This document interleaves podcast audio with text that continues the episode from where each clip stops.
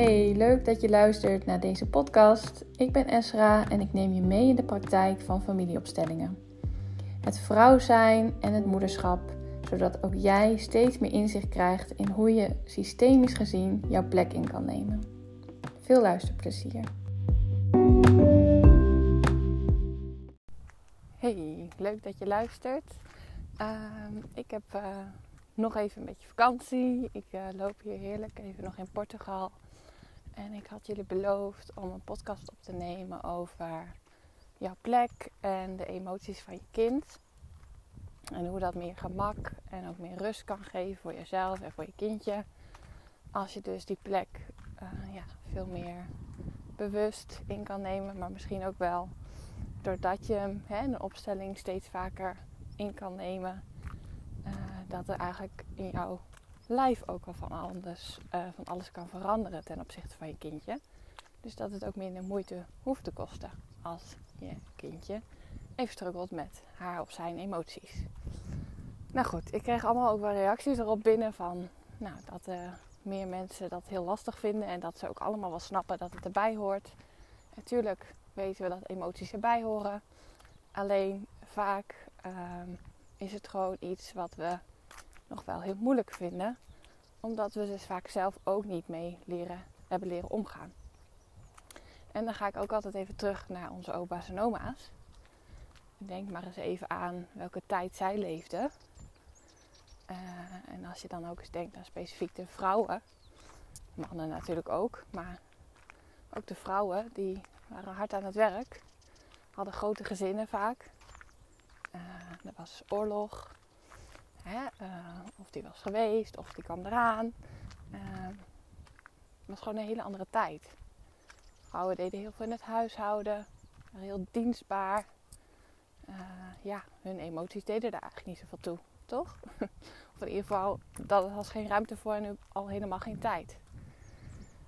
Dus laat staan dat het tijd was voor de emoties van hun kinderen.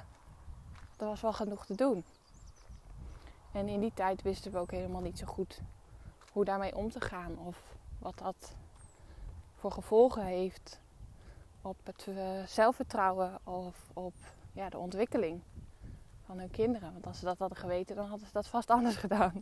Hè? En, en dat is ook gewoon hoe het is. En gewoon iets waar we niks aan kunnen doen. En het is ook niemand schuld. Het is gewoon een andere tijd. Ja, en uh, ik dacht, ik neem jullie even mee in hoe het mij heeft geholpen om die plek meer in te nemen, maar ook in contact met mijn kind, mijn kinderen. Uh, ja, wat, wat het mij heeft geholpen en um, wat ik daar nu voor effect van merk.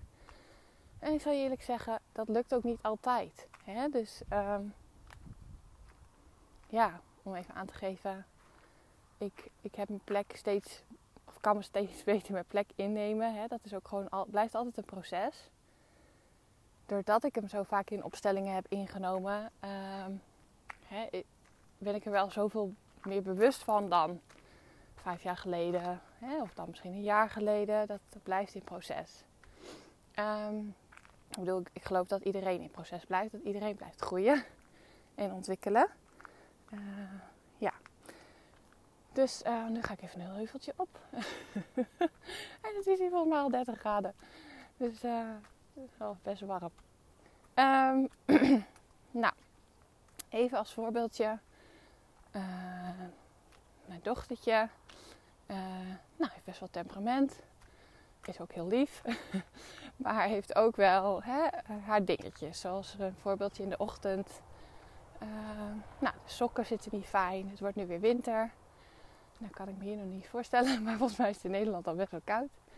Dus nou, die sokken moeten weer aan. Haar hemd moet weer aan.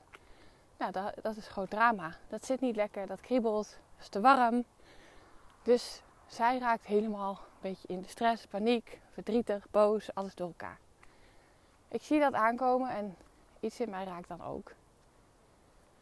En dan denk ik, oh, dat voel ik ook vooral van, um, ja, ik zal ik dat omschrijven. Ik denk dat jullie het wel herkennen. Wat ik dan voel is, oh nee, gaan we weer. dat is een gedachte trouwens. En een gevoel van ik, dat ik, dat ik ehm, eh, het gevoel wat bij me oproept is eigenlijk een beetje onmacht. Ja, dat is het goede woord. Onmacht, omdat ik ook gewoon even niet weet hoe ik haar hier doorheen kan helpen. En wat ik dan vervolgens doe, is dat ik het weg wil drukken. Hè, dus, oh, we kunnen we niet opschieten. Zijn ook weer gedachten. En doet ze nou weer moeilijk? En nou, allemaal die gedachten heb ik. Ik zeg ze uiteraard niet. maar ja, natuurlijk voelt ze dat. Hè? Dus ik dacht, dat, dat, werkt natuurlijk niet. Dat is niet fijn. En ook mij gebeurt dit nog wel eens in de ochtend. Maar waardoor komt dat nou? Omdat ik ten eerste niet goed voor mezelf heb gezorgd die ochtend. Ik ben of te laat opgestaan, of ik moet nog ontbijten. Hè, dus daarin zit het hem al. Mijn plek innemen begint eigenlijk al met: hey, hoe zorg ik ook in de ochtend dat ik relaxed kan zijn? Dus dat ik ontbijt. Ehm, eh, dat ik tijd heb voor dit soort, ja, uh, voor mijn dochter stressvolle momentjes. Dat er tijd voor mag zijn. Dat ze die emotie uh, mag doorvoelen. Hè? Want emotie is altijd in beweging. Of eigenlijk ja, in beweging. En dan kan die weer gaan. Dan kan die door je lichaam gaan en dan kan die ook weer, kan hem ook weer loslaten als het ware. En wat we vaak doen is, oké, het mag er niet zijn. Doorpakken, niet zeuren, hemd aan, sokken aan. En dan uiteindelijk wat je creëert bij je kindje. Je hebt uh, vier van die uh, uh, ja, overlevingsmechanismen eigenlijk.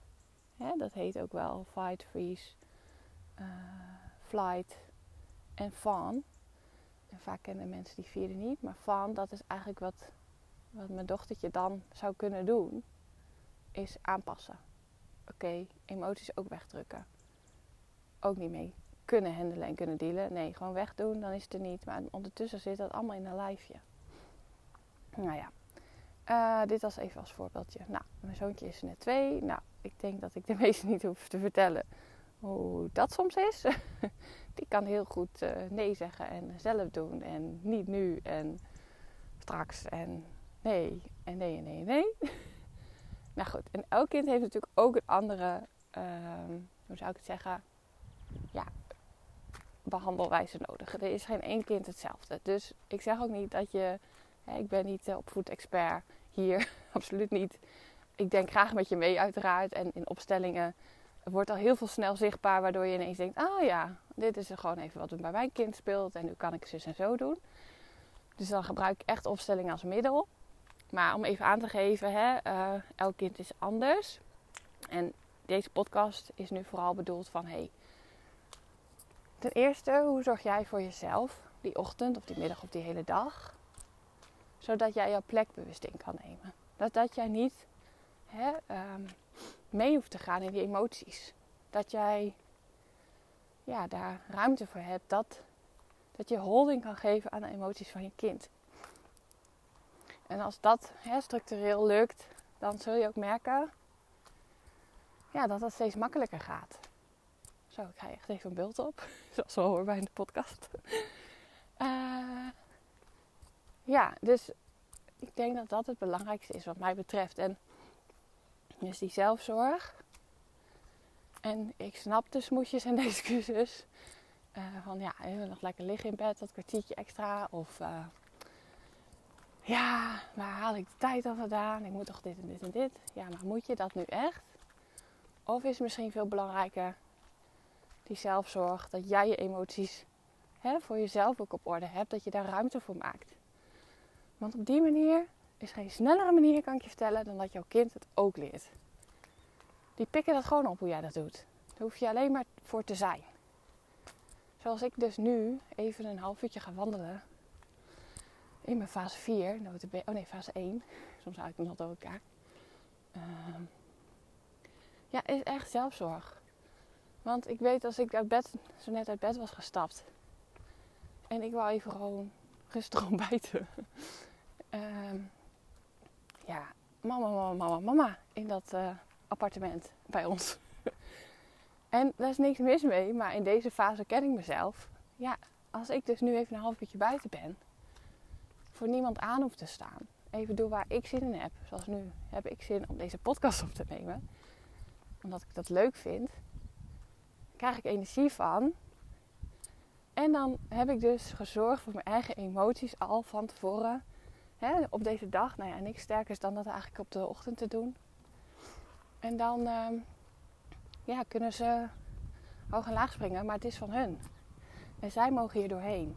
En ik denk dat dat het meest krachtige is wat ik je ook mee wil geven. En natuurlijk, als je het hoort, denk je, ja, de, dat snap ik wel, Esra. Het is allemaal van hun. Maar misschien helpt dit wel, en ik weet het bijna zeker, als je dit ook met jezelf gaat oefenen.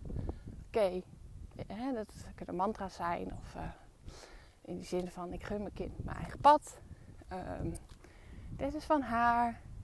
En dit is mijn plek. Ik ben de moeder. Dit is mijn kind. Ik geef. En mijn kind neemt. dus creëer je al afstand, creëer je al ruimte. Dat je kind mag nemen van jou. De holding. Dat jij het kan dragen. Alle emoties die er vandaag voor je kindje mogen zijn. Dat die er mogen zijn. En het enige wat jij hoeft te doen. Is haar of hem zien. Knuffelen wanneer dat dus wel nabij zijn. Je hoeft niet altijd direct te knuffelen, maar misschien voel je dat wel van ja, nu direct wel of nu even laten uitgrazen, maar wel in de buurt zijn. En wat ook nog kan helpen is goed naar je kern, naar je bekken bedoel ik daarmee. En je navel, dat gebied daartussen. Probeer daar maar eens heen te ademen. En benoem dan maar wat je ziet bij je kind. Als voorbeeldje, oké, Veren, ik zie dat je je sokken niet aan wil. Dat zit ook niet zo fijn. Het wordt alleen kouder, hè, dus we kunnen je sandalen niet meer aan. Ja, dan is het natuurlijk niet direct over. Als maar zo feest. En daar gaat het ook niet om. Ja, natuurlijk willen we het liefst weer weg hebben. Maar zo werkt het niet. Dat is niet uh, hè, het nut van de emoties. Er gebeurt van alles in haar hersenen, alles in haar lijf. Prikkelgevoelig waarschijnlijk. En ja, dan moet zij haar eigen weg in vinden. Wil zij ook volwassen worden. En als we dat nu lopen weg te duwen, uh, wat gelukkig al steeds minder gebeurt, ja, dan krijgt zij er ook weer moeite mee in haar ontwikkeling. Naar zelfvertrouwen, in, ook weer richting haar eigen kinderen. Dus ja, mijn boodschap is: zorg dat jij je plek inneemt ten eerste gewoon als mens. Ieder mens heeft zijn eigen plek. Iedereen heeft recht op zijn eigen plek. Hè? Besef je dat ook eens even als je deze podcast luistert. Oh ja, hebt een eigen plek. Gewoon recht op. Ik heb eigen ruimte. Het is mijn leven als mens. En ten tweede als vrouw. Als vrouw, als vrouw met heel veel mooie vrouwelijke krachten en energie. Uh, ja, ja, dat is gewoon heel belangrijk om te beseffen. Hoe mooi dat is en wat je als vrouw op deze wereld wilt brengen. Dat is ook gewoon heel belangrijk. En als derde, als je dat bent, of als je dat misschien mag worden, of die wens hebt, uh, en je mag het dan worden, wat natuurlijk niet vanzelfsprekend is, wat ik me ook besef. Maar als derde, pas als moeder. Hè? Niet pas, het is ook een heel belangrijke rol. Maar als jij die eerste twee niet. Oh, dat is echt een klim, jongens. Ik al een conditie. Nou ja, die is ook niet helemaal best. Maar de eerste twee. Uh, die zijn gewoon belangrijk. Want die moet je beseffen. Dan kun je zo goed plek innemen. Ten opzichte van je kindje. Je bent een voorbeeld als mens en als vrouw voor je kinderen. En um, ja, dan dus als moeder. Ja. En um, wat ik daar nog aan toe wil voegen, zit ik nog even te denken, heb ik nog een mooie oefening. Ja, um, wat je kan doen, je kan een visualisatie doen, s'avonds in bed. Misschien neem ik daar binnenkort wel even eentje over op. Uh, laat me even weten als je, dat, dat je het leuk vindt. Als er dan uh, tien mensen reageren van, oh, dat wil ik wel. Dan ga ik die wel even opnemen, kan ik je die uh, opsturen plek innemen ten opzichte van je kind. Visualisatie, maar dat kun je dus ook zelf doen door in bed te gaan liggen op een rustig moment op de dag. Ogen te sluiten. En jij, dat jij dus even deze drie rollen tot je door laat dringen. Eerst ben ik mens. Ik heb ruimte en plek. Iedereen heeft plek op deze wereld. Ik mag die ook innemen. De tweede, vrouw, wat wil ik als vrouw? Wat wil ik dit leven, in dit leven doen? Wat wil het leven van mij? Wat wil ik brengen? Waar ben ik goed in? Wat vind ik leuk? Waar word ik gelukkig van? Dat je dat even zo voorbij laat komen in je gedachten. En dan stap je in de rol als moeder. En voel dan ook maar eens even hoe dat is en wat het allemaal met je gedaan heeft en hoe dat nu is. Het mooie en misschien ook het minder mooie daarvan. En dan zie je je kind of je kinderen voor je, een meter of twee voor je. Van links naar rechts van, en dan is het van oud naar jong voor je. Dus links de oudste en dan verder rechts opzij de jongere kinderen. Eventueel een miskamer ertussen. Ja, dan zeg je, ik ben jullie moeder. En ik geef. En jullie nemen. En dit is mijn plek. En zo oefen je al met die ruimte creëren voor alles wat er mag zijn. Dat jij die holding kan geven. Nou goed. Um, ja, alsnog geldt, wil je dus een uitgebreide visualisatie, laat het even weten. Dan ga ik die gewoon als die mensen dat zeggen, die wil ik wel, ga ik die maken. En uh, goed om te noemen, in januari komt er ook een live opstellingenmiddag. Uh, vijf plekjes. Um, waarin we opstelling gaan doen om juist die plek hè, in live ook in te nemen. Je kinderen gaan niet mee, maar we werken wel met representanten, dus dat is super mooi en waardevol. Um, die datum is nog niet bekend, komt in januari. Als je nou denkt, ik wil alle informatie als eerste ontvangen, uh, doe me dan ook even een berichtje via mijn website staat in de show notes of via Instagram. Dan zet ik je ook op die wachtlijst. Oké, nou wens je een goede dag als uh, vrouw, als mens. En uh, ja, tot de volgende. Doei doei!